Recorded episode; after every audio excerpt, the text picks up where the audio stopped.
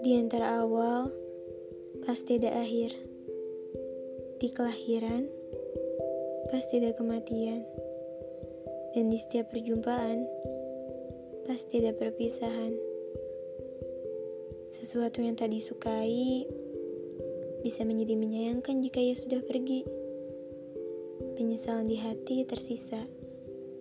Ingin rasanya memutar waktu, mengulang semua kejadian yang menimbulkan penyesalan.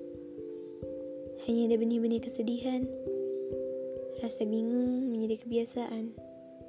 Mengapa dan mengapa? Ingin dan ingin rasanya memulai ulang.